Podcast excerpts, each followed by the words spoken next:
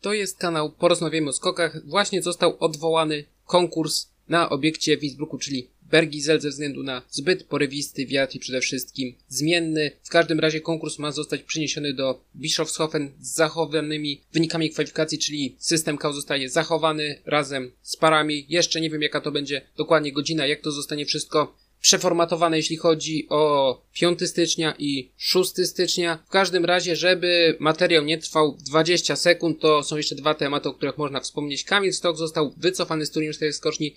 Nie dziwię się, takie głosy pojawiały się już przed Garnisz, po Garnisz i ostatecznie przybrały one tak bardzo na sile, że ciężko było się spodziewać czegoś innego i ostatecznie został Kamil Stok po prostu wycofany z turnieju 4 skoczni.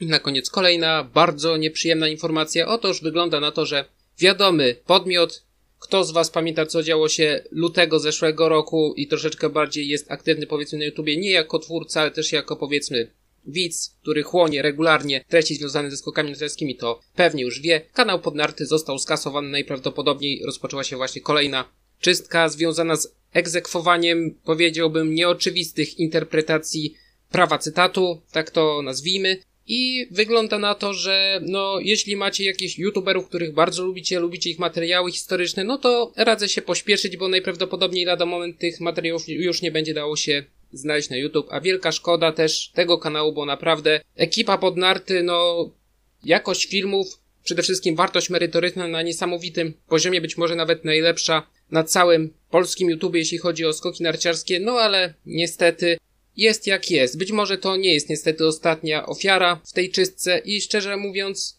człowiekowi się nie chce już robić materiałów, powiedziałbym, historycznych, a w zasadzie jakichkolwiek materiałów z jakąkolwiek treścią wizualną, no bo można tak naprawdę sprowadzić topór na swój kanał. I tyle. I nie dziwcie się, że wielu youtuberów ma opory przed montowaniem materiałów o skoczkach, albo są to materiały po prostu bardzo ubogie, a wręcz pozbawione treści wizualnej typu właśnie skoki, konkursy i tak dalej, tak bo po prostu ludzie się boją i wcale się temu nie dziwię. Najprawdopodobniej w tym momencie kanał Porozmawiamy o skokach jest bezpieczny, bo po prostu nie jest zbyt popularny.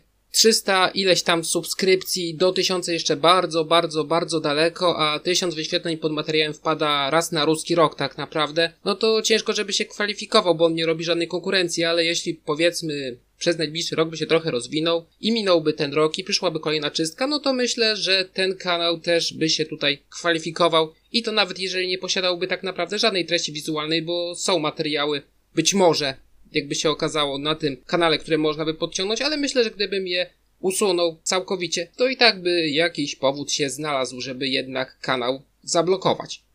I tą pocieszającą myślą zakończę ten materiał. To tyle. Do usłyszenia.